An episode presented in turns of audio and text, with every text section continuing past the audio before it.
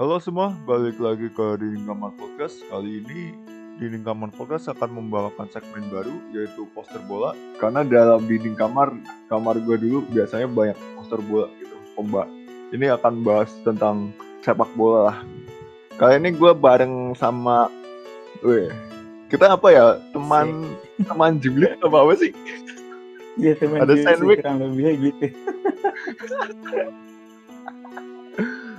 Kayaknya lu harus memperkenalkan diri dulu deh, San.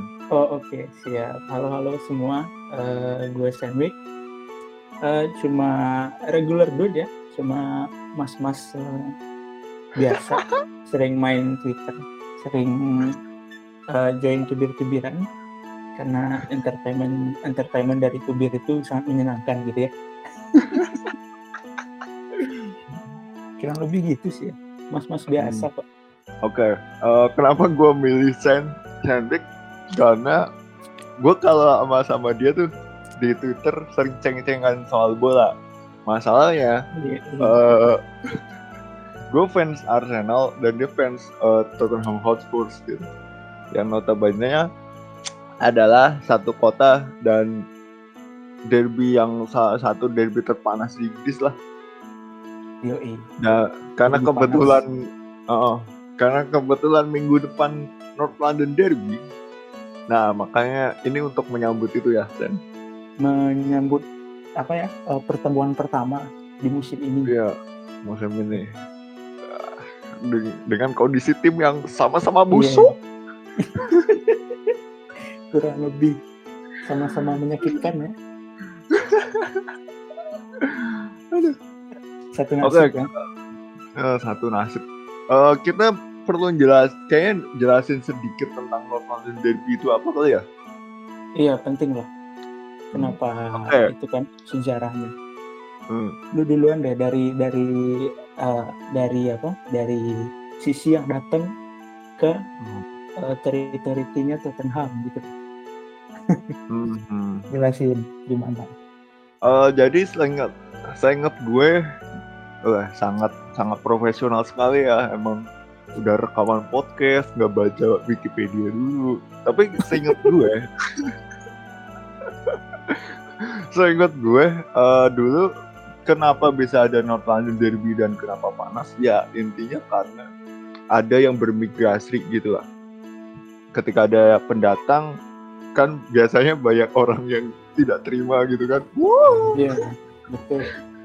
Nah jadi dulu Arsenal ini dulunya itu kalau nggak salah ada di awal mulanya ada di London Barat apa ada di London Timur ya?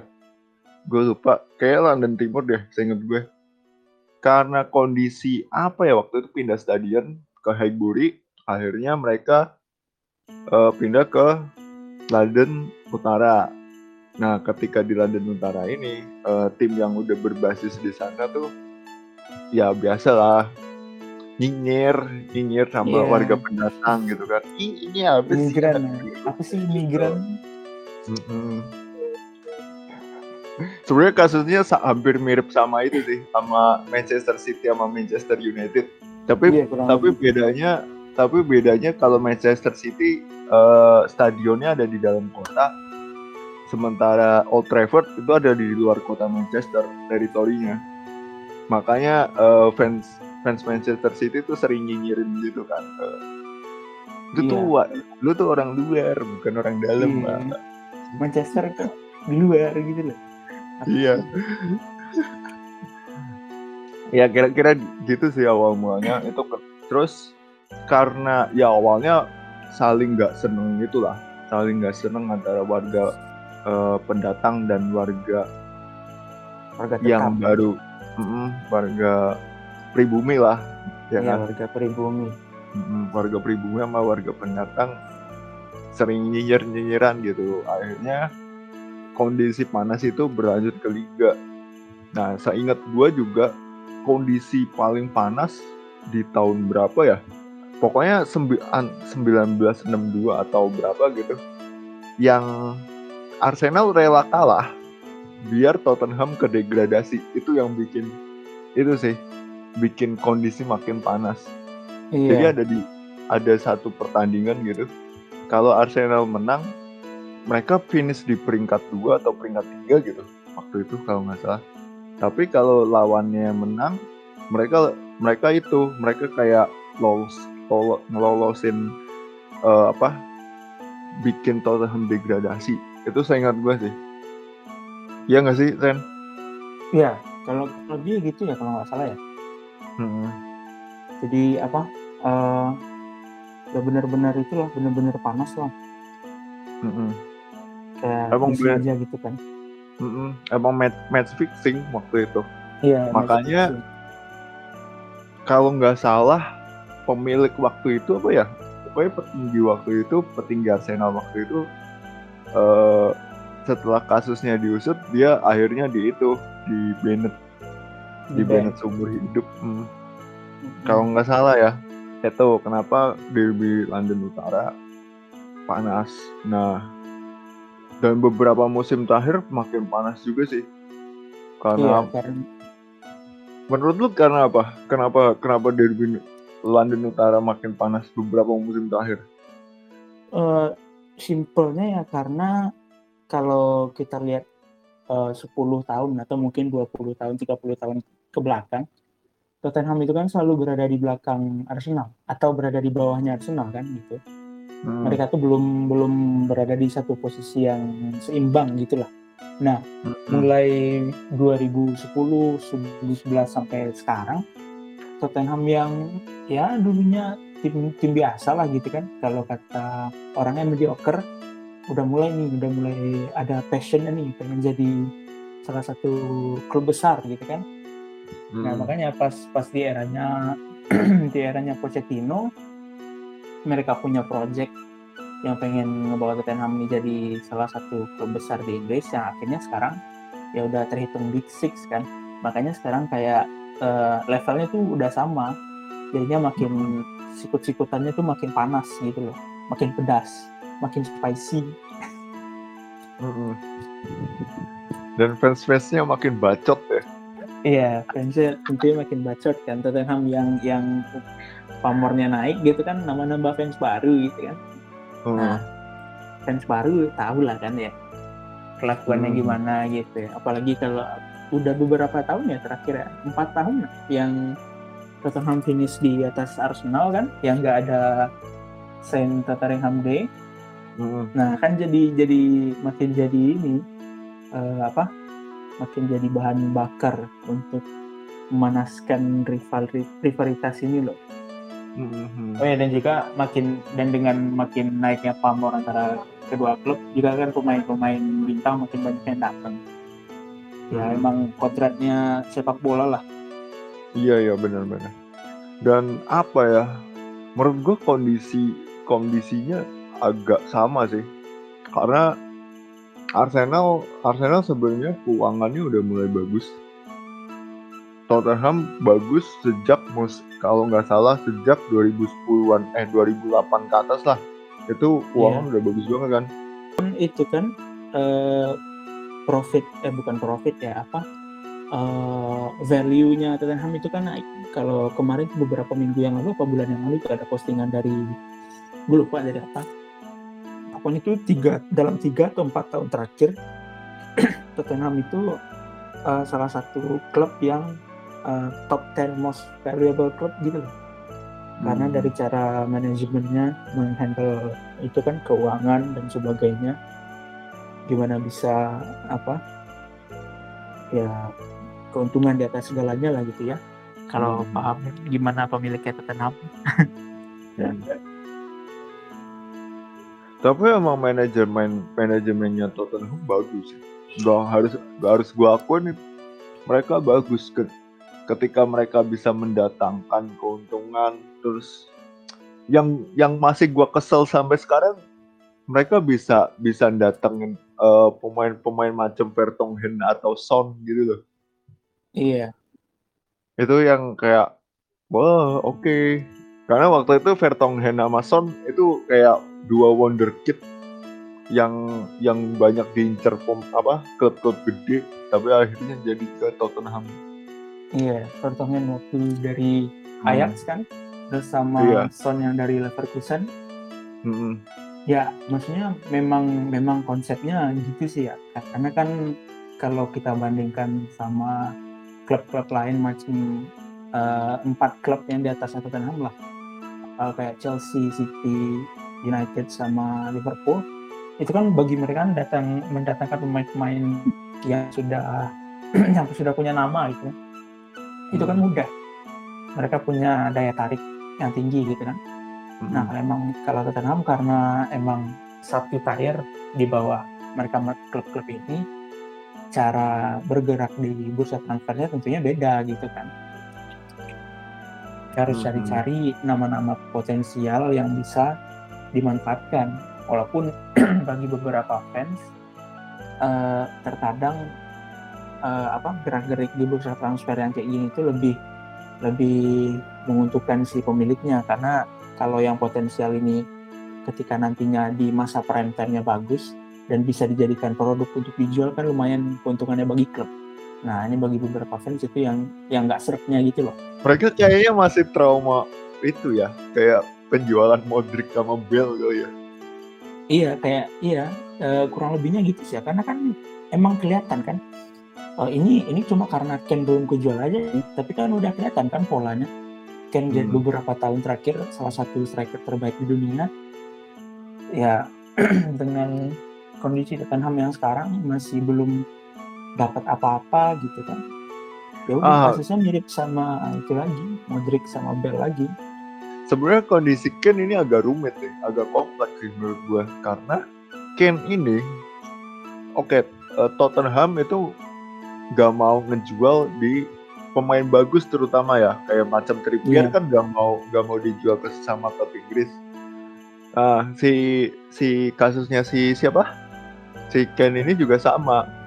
Dia nggak mau Tottenham ini kekeh dan ngotot nggak mau jual ke sesama tim Inggris. Iya, sementara yeah, si sementara Harry Kane sendiri dia cuma mau pindah ke Manchester City. Ini sih yang bikin iya. suasana jadi kompleks. Kom kompleks banget itu loh. Hmm. Jadi kalau kalau misalnya Bayern datang gitu, ini 120 euro apa pound sterling, wah itu udah langsung dijual, udah berangkat itu si Ken. Iya. Tapi karena satu-satunya klub yang pengen dari City dan Kennya yang makin lama makin, oh ya deh, kayaknya kesempatan gue gabung City lumayan lah gitu kan. Hmm. Nah, jadinya kompleks si Daniel Levy-nya mati-matian nahan gitu loh. Iya iya. Persis sebenarnya polanya sama yang Modric sama Bell cuman bedanya peminatnya itu dari dari tim satu dalam satu liga gitu lah uh -uh. yang walaupun sebenarnya Real Madrid juga sangat tertarik untuk mendatangkan Ken bahkan udah nyiapin berapa ratus juta gitu ya kan gosipnya hmm. Gosip. udah nyiapin udah nyiapin berapa ratus juta buat datengin Ken tapi Kennya tetap ngotot enggak gue mau cuma mau pindah ke Manchester kayak gitu Hmm. Ya mungkin mirip-mirip Evan Dimas lah, nggak bisa makan, nggak bisa makan makanan aja gitu. Aduh. Takutnya kan di di Spanyol udah nggak bisa ngeteh ngeteh lagi gitu. Iya. Aduh goblok. Lidahnya nggak bisa nggak bisa itu nggak bisa menyesuaikan. Uh -uh. Oke. Okay. Sekarang kita ngobrolin soal kondisi tim aja kali ya. Uh, dari okay. Tottenham dari Tottenham dulu deh. Kondisi tim Tottenham gimana sih sekarang? Menjelang Wah. derby. Kondisinya lucu ya. Uh, agak depressing ya. Kalau kita lihat dari tahun lalu dengan hmm. Mourinho Mourinho at the wheel gitu kan uh, agak agak eh sebenarnya memang regres sih agak agak ada penurunan dari tahun lalu beberapa tahun terakhir dengan datangnya ini Bruno Espirito Santo siapa tuh kalau kalau yang di Indo mirip-mirip siapa tuh? Chef Chef apa dulu saya puji. Iya saya puji. Awal awal musim ya lumayan lumayan lah ya. Menang menang tiga menang satu nol tiga pertandingan berturut-turut. Gitu kan cuma kan Hmm. kelihatan dari dari kondisi tim tuh kelihatan kalau Tottenham tuh sekarang lagi kosong lagi nggak ada yang namanya creative midfielder bagian tengah tuh benar-benar eh, kayak donat ini Hmm. belak- kayak donat di tengah itu bolong cuma Hmm. ada kan kalau yang main apa line up utamanya itu kalau di tengah itu biasanya skip sama Hoiberg nah itu Hmm. dua-duanya defensive mindset gitu loh jadi susah makanya kan di tiga pertandingan awal tuh lebih sering di press di pressure sama tim lawan gitu kan dan akhirnya Hmm. kelihatan di Crystal Palace kalah 3-0 sama Chelsea juga kemarin yang pas Kante ngegolin gue udah matiin streamingnya. Malesin gue De- depressing gitu loh. Ya kondisinya gitu. Eh, depannya tuh bagus. Bagus banget malah kalau menurut gue ya. Iya, Son bagus ada banget. Son Son lagi eh, top performa Lukas juga bagus walaupun udah berapa lama nggak ngegolin Berwin juga udah mulai bagus gitu. Belakang apalagi? Malah yang paling bagus. Yang lucunya paling bagus tuh sekarang tuh di defensif di back dibandingkan yang tahun Hmm. lalu Hmm. Dier sama Sanchez yang tahun lalu itu benar-benar uh, liability, benar-benar gak konsisten. Eh tentunya sekarang jadi malah bagus. Terus ditambah itu kan ada datangnya si Christian Romero, salah satu terbaiknya di Serie A. Hmm. Ada Emerson Royal juga yang bagus untuk uh, bantuin di depan dari kanan. Sama Reguilon yang juga bagus. Ya kurang lebihnya gitu sih ya. Kalau kalau dari dari dari secara apa ya, secara simpelnya itu udah kayak donat ini sekarang. Itu di tengah tuh benar-benar nggak ada, benar kosong. Padahal masih ada Lord Dele Ali loh. Nah, i- sama Ali ini ma- masalahnya karena tahun lalu itu kan dia benar-benar di benar-benar disisihkan ya dari dari tim Mourinho ya. Gue tahu kenapa juga alasan Mourinho kayak gitu. Tapi kan akhirnya sekarang udah mulai main lagi. Cuman kan susahnya kayaknya dia nih eh, tukar posisi ini dia sekarang. Kalau dulu kan biasanya itu eh, attacking midfielder ya. Sekarang malah kadang di di apa dipaksa ditaruh di tengah gitu loh Hmm. sering ke, sering di, seringnya bertahan di tengah dia sekarang makanya eh, kalau kalau lu nggak tahu tuh kemarin pas kalah sama Chelsea itu dia kan di interview tuh dia bilang dia benar-benar kesel sama dirinya sendiri gitu loh. dia ngerasa benar-benar eh, nggak benar-benar nggak kayak dirinya sendiri gitu loh mainnya jelek banget gini gini gini pokoknya nggak nggak ridicule diri sendiri lah Oh. Iya, emang Karena- emang ya karena itu kan karena apa? eh, Posisinya nggak itu ya. Iya, Karena karena kan emang yang gue bilang tadi kreatif midfielder tuh nggak ada. Jadi si Nuno ini nyobain kira-kira karena nggak membeli nggak beli midfielder tuh kemarin di bursa transfer. Jadi nyoba kira-kira si Ali ini bisa nggak diproyeksikan jadi gelandang tengah gitu loh. kemarin Tottenham datangin siapa aja sih? Eh, transfer? Kemarin itu datangin berapa ya? Empat atau lima. Yang pertama dari yang pertama deh sesuai timeline deh Pierluigi Golini kipernya Atlanta tuh salah satu apa yang potensialnya Itali. Ya, kiper Nah. kedua lah ya. Kiper iya kedua. kiper keduanya Itali gitu kan. Bagus lah untuk oh, apa untuk masa depan.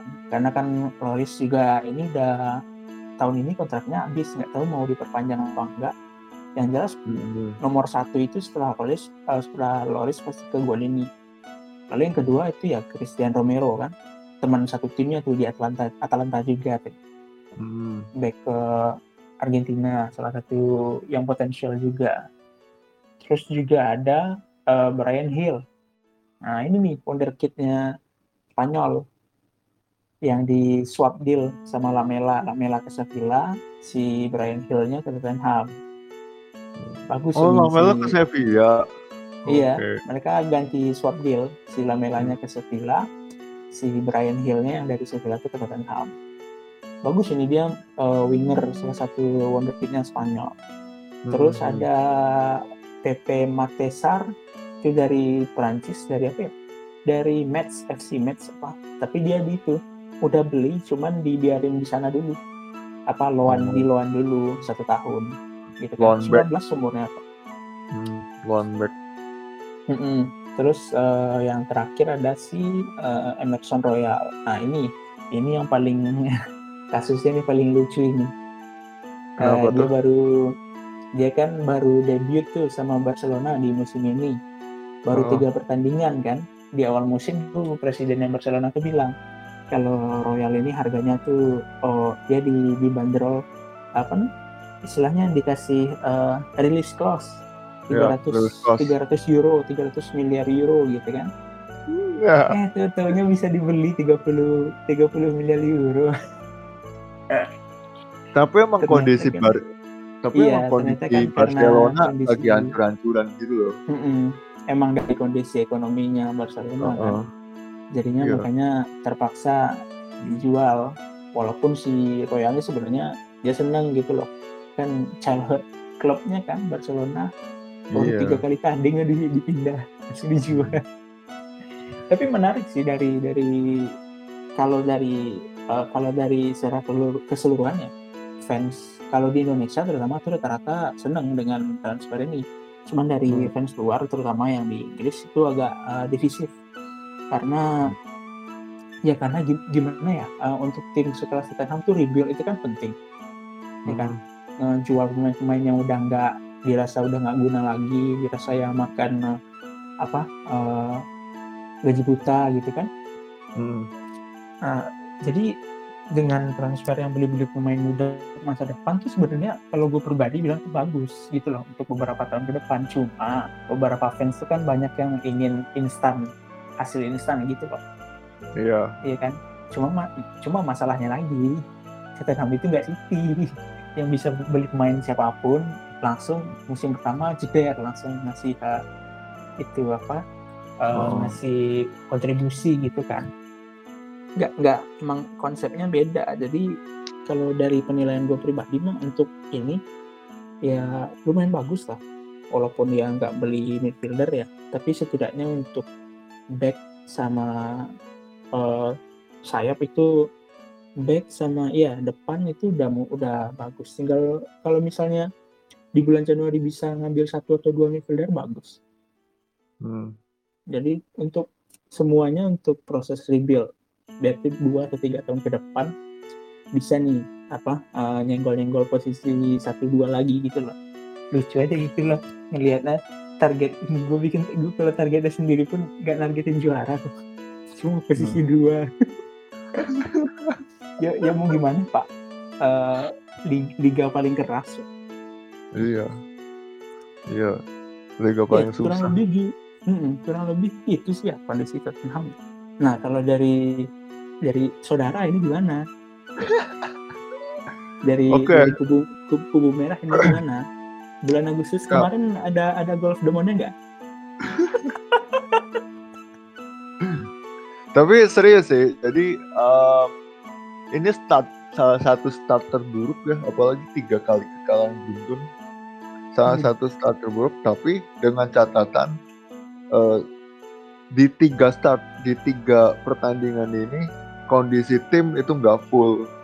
Nah sementara sekarang tuh udah full gitu loh. Yang yang jadi masalah sekarang kondisi kondisi Arsenal yang masalah sekarang adalah Deadwood Deadwood ini menurut hmm. gue pribadi ya gue paling kesel banget sih sama Deadwood Deadwood apalagi sekarang Arsenal tuh dipimpin kapten yang gak bisa mimpin. Kalau lu ngelihat Aubameyang gitu set hmm. ketika ada pre, ketika harusnya ngepressing dia sementara dia cuma jalan-jalan kayak gitu. Tidak ada determinasi tidak ada passion gitu. Iya tidak ada passion. ya Allah pas yang pas ngelawan City itu loh gue kayak ya Allah ini lu lagi ngapain sih? Lagi main apa ini?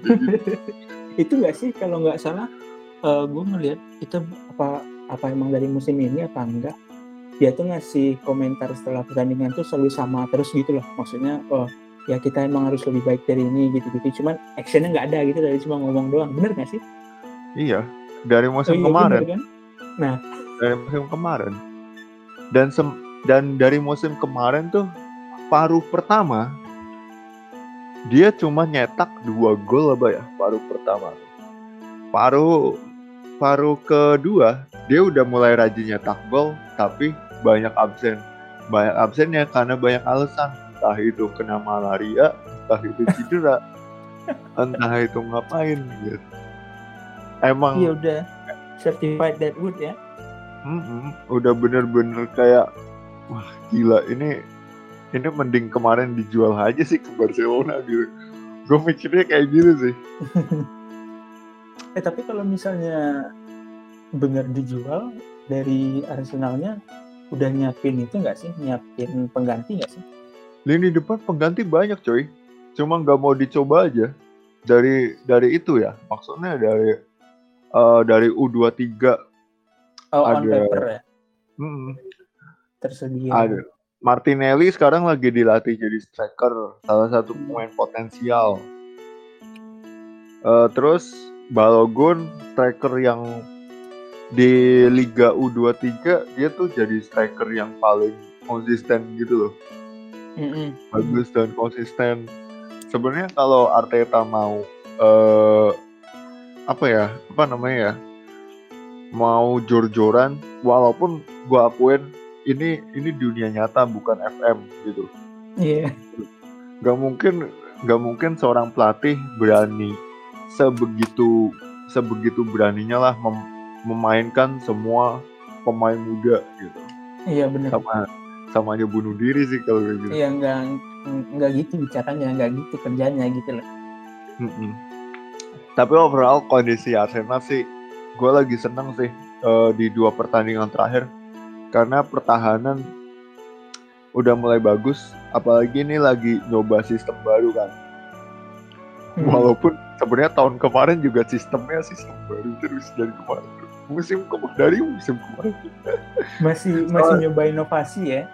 Heeh, masih nyoba inovasi. Tapi itu sih eh, permasalahan Arsenal eh, musim musim ini adalah musim dari musim ke mana sih kerjasama dan beberapa deadwood beberapa deadwood yang main walaupun satu doang yang main deadwood ini. Kayak misal pertandingan kemarin Aubameyang. Aubameyang dijadiin kapten ya karena emang untuk menaikkan moral tim dan pemain muda kan. Mau Hmm. gimana pun itu penting. Tapi dia yang paling tidak punya passion dan determinasi dalam pertandingan itu gitu loh bahkan dia juga kayak ikut-ikutan kebingungan mau mau ngumpan ke mana mau bergerak ke mana dia ikut-ikutan begitu Jadi itu nggak sih apa eh, backfire nggak sih dia yang dia yang ditargetin untuk jadi leader gitu kan? Tahunya pas di lapangan dia pelangap pelongo gitu loh. Jadinya merugikan Iya, iya. gitu lah petinya. Heeh. gitu makanya sih gue pengennya eh, ban kapten udah diserahkan ke Tierney aja udah. Bukan Saka Oh. bukan Lacazette. Tierney aja langsung udah. Ya. Jadi kapten dah karena cuma dia yang bisa mimpin gitu. Menurut gue dan itu sih satu lagi adalah kondisi tim Arsenal musim lalu tuh. Eh, kelemahannya ada di back kanan yang posisinya musim lalu selalu diganti-ganti tuh. Dari kayak dari Bellerin, dari Chambers, dari siapa sih pemain gue kenapa jadi lupa ya pemain pemain asal Portugal. Ya pokoknya dia lah.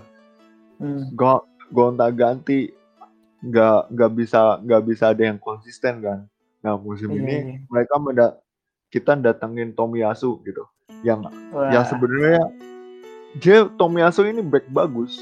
Karena gue sempat ngelihat dia beberapa pertandingannya di Serie A gitu loh. Emang emang back bagus. Apalagi yang pas bolonya lawan Inter Inter Milan musim lalu dia termasuk pemain yang bagus. Pas ke Arsenal oke gue seneng. Tapi masalah Arsenal adalah mereka kalau menanganin tim-tim Asia tuh pemain-pemain Asia tuh agak ngaco Arsenal Iya, tuh kayak gitu. gue baca gue baca sejarahnya tuh nangani pemain Asia. itu bener-bener anjir ngaco. Tapi di dua pertandingan ini Tomiyasu mainnya bagus sih. Lumayan lah. Makanya gue mulai optimis kayak oke. Kayak bisa. Nah yang jadi masalah adalah cara mengatasi deadlock ini sih. Gitu. Jadi ketika lu bilang tadi uh, pertahanan Tottenham lagi bagus, tapi tengahnya kayak donat. Kalau Arsenal apa ya? Belakangnya juga lagi bagus. Pemain belakangnya malah sekarang yang kayak lagi nyokong tim gitu. Pemain tengah pemain tengah bagus sebenarnya, tapi mereka kayak lagi kebingungan bergerak gitu loh. Kalau kalau di FM kita lagi ketika lagi nyoba strategi baru pasti sering salah persepsi kan, belum. Iya benar. Kondisi kondisi itunya kondisi uh, strateginya belum fluid gitu lah. Iya iya. Nah kok Arsenal tuh lagi kayak gitu, mereka lagi bingung harusnya misal kayak pemain A harusnya bergerak ke si ke area mana harusnya diumpan ini malah ditendang atau diumpan ke area mana itu dari musim lalu sih permasalahannya cuma sekarang agak mulai terstruktur lah karena itu lagi karena kondisi belakangnya agak bagus lagi bagus gitu kondisi Arsenal gitu sih Perlu uh, ada oh. yang di, ditanyakan atau kayak kuliah? Itulah bahas transfer lah. Uh, kan tadi Tottenham tuh gue udah jelasin tuh kan datang uh. aja. Nah tadi kalau udah mention Tomiyasu yang sebenarnya itu target utama Tottenham kan. Tahu-tahu oh, karena si iya. ya lu lupa kan banyak yang banyak yang itu banyak yang ngeledekin tuh ah Arsenal ambil lo apa uh, ngambil rempahannya apa remahannya Tottenham. Ya awalnya kan Tomiyasu itu ditargetin uh, sama si Paratici jadi target utama oh. untuk uh, right back.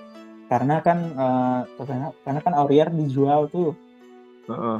Tapi tapi eh tapi si Japet Tanganga itu yang pemain mudanya Tottenham yang hmm. biasanya CB itu dicoba ditaruh di RB sama si Nuno. Tahu-tahunya bagus mainnya.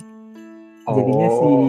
si Nuno sama Paratisinya mikir ah nggak usah lah ya Tomiyasu uh, ini Japet udah bagus lumayan dia defensive right back mungkin kita cari yang uh, offensive right back hanya akhirnya ngambilnya si Emerson Royal gitu loh Oh. Ini kalau beberapa fans tuh banyak uh, banyak yang kecewa tuh sebenarnya karena nggak uh, jadi ngambil Tomiyasu.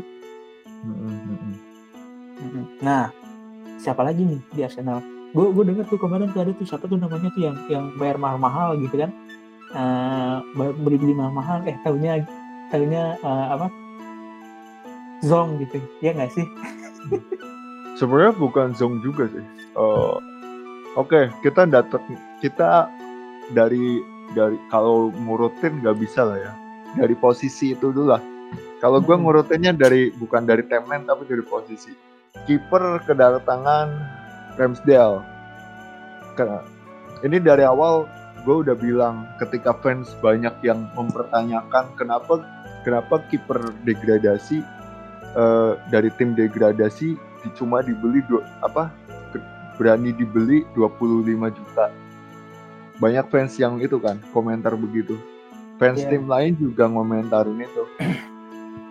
uh, kalau dari gue sendiri dia homegrown player sama Liga Inggris homegrown player itu emang mahal-mahal gitu. Iya, benar-benar. Sementara kota Arsenal tuh untuk homegrown player itu masih ada karena banyak pemain U21-nya yang be belum yang masih boleh main tanpa didaftarkan gitu. Jadi daripada kota kosong, ya udah. Iya, boleh diisi ya. Mm -mm. Diisi. Apalagi uh, Ramsdale ini juga kayak incaran utamanya Arteta gitu loh. Soalnya sistemnya Arteta itu uh, ya kayak ya kayak itulah kayak Guardiola. Gimana pun juga yang uh, bikin sistemnya Manchester City kan mereka berdua gitu. Mhm. Jadi mereka butuh butuh kiper yang bisa bisa jadi pengumpan dari belakang gitu. Dan itu nggak ada di Leno gitu. Iya. iya. Tapi Seben lu ngeliat itunya nggak sih si Ramsdale ini cocok logi cocok loginya? Emang kenapa? lu gak tahu? Oh cocok logi yang timnya degradasi. Iya gitu. iya. ya Sering Kalau kayak- dijadiin jokes gitu.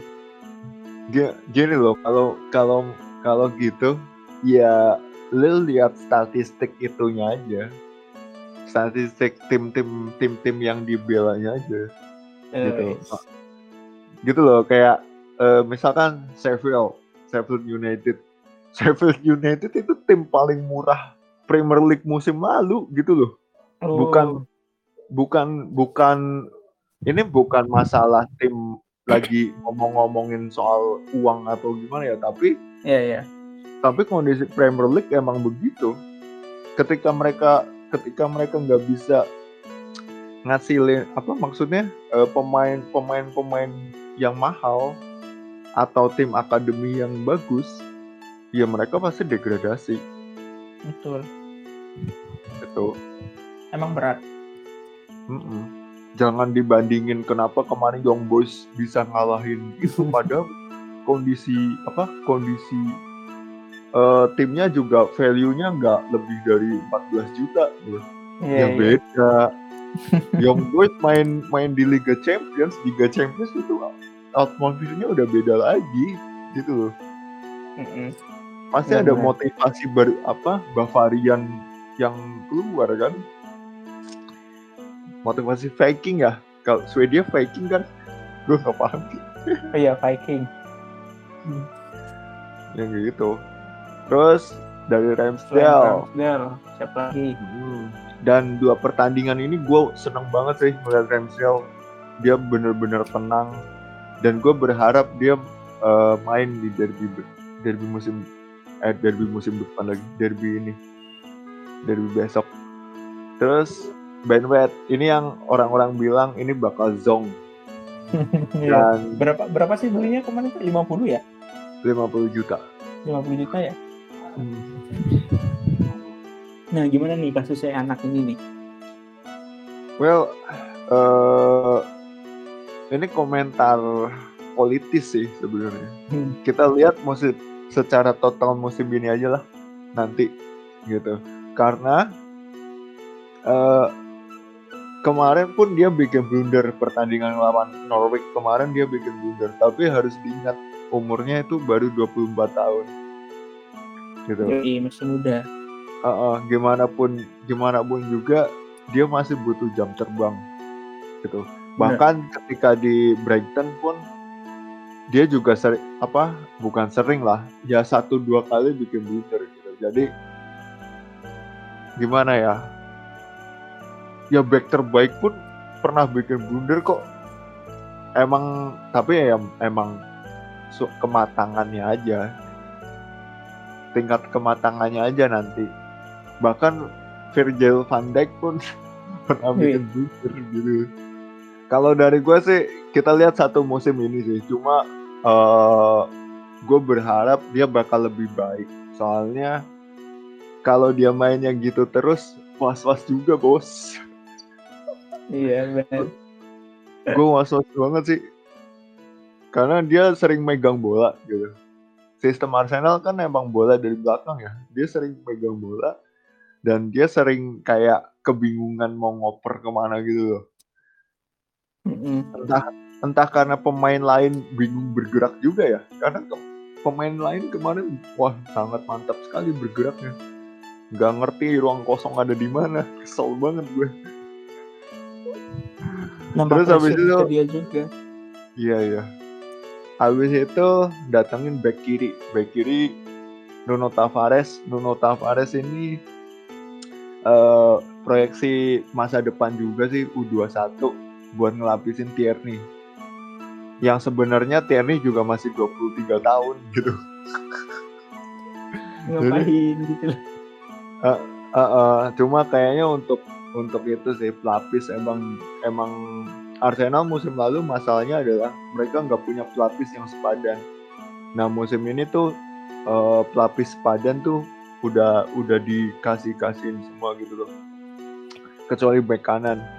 Back kanan sekarang yang prima menurut gue yang prime cuma Tomiyasu.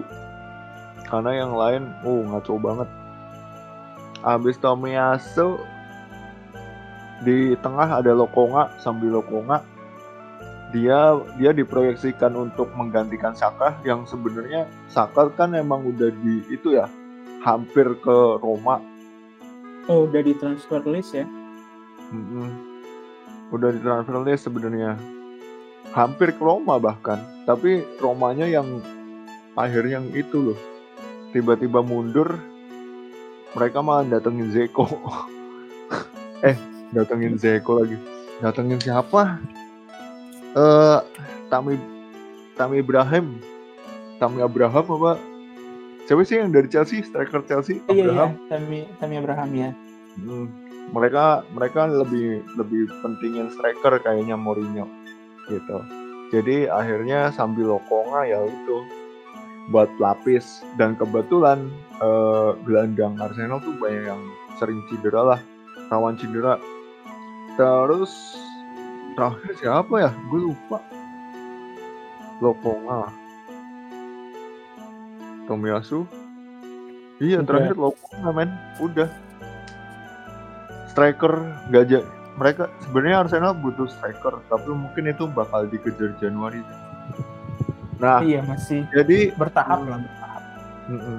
nah jadi ke- kalau lu tadi eh, mempertanyakan ini mana regenerasinya Tottenham gitu kalau kalau gue malah mempertanyakan ini mana pemain inti Arsenal gitu. maksudnya pemain inti tuh pemain yang bisa memimpin Arsenal gitu loh gimana pun juga gimana pun juga potensinya pemain muda Arsenal butuh butuh pemain senior yang bisa mimpin tim kayak misal contoh contohnya aja ya kalau di Tottenham ada Loris ada Kane walaupun gue sangat tidak setuju kayak kalau misal Kane dapat ban kapten karena menurut gue juga dia nggak bisa mimpin Emang enggak kalau gue pribadi Ya kan? mah lebih milih Dier daripada kap, daripada Ken jadi kapten.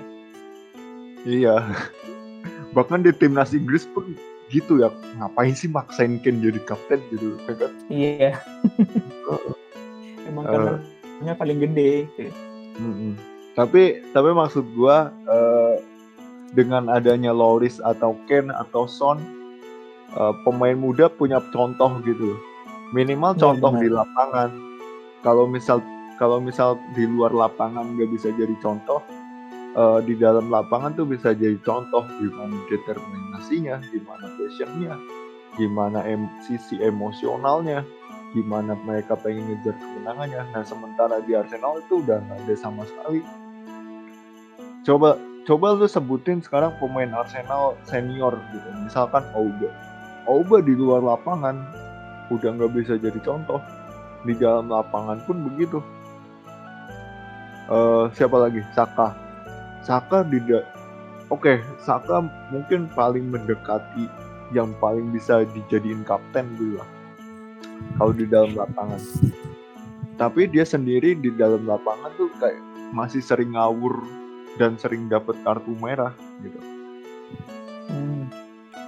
Dan menurut gue susah dan emang harus contoh-contoh yang nggak suka joget TikTok sih menurut gue.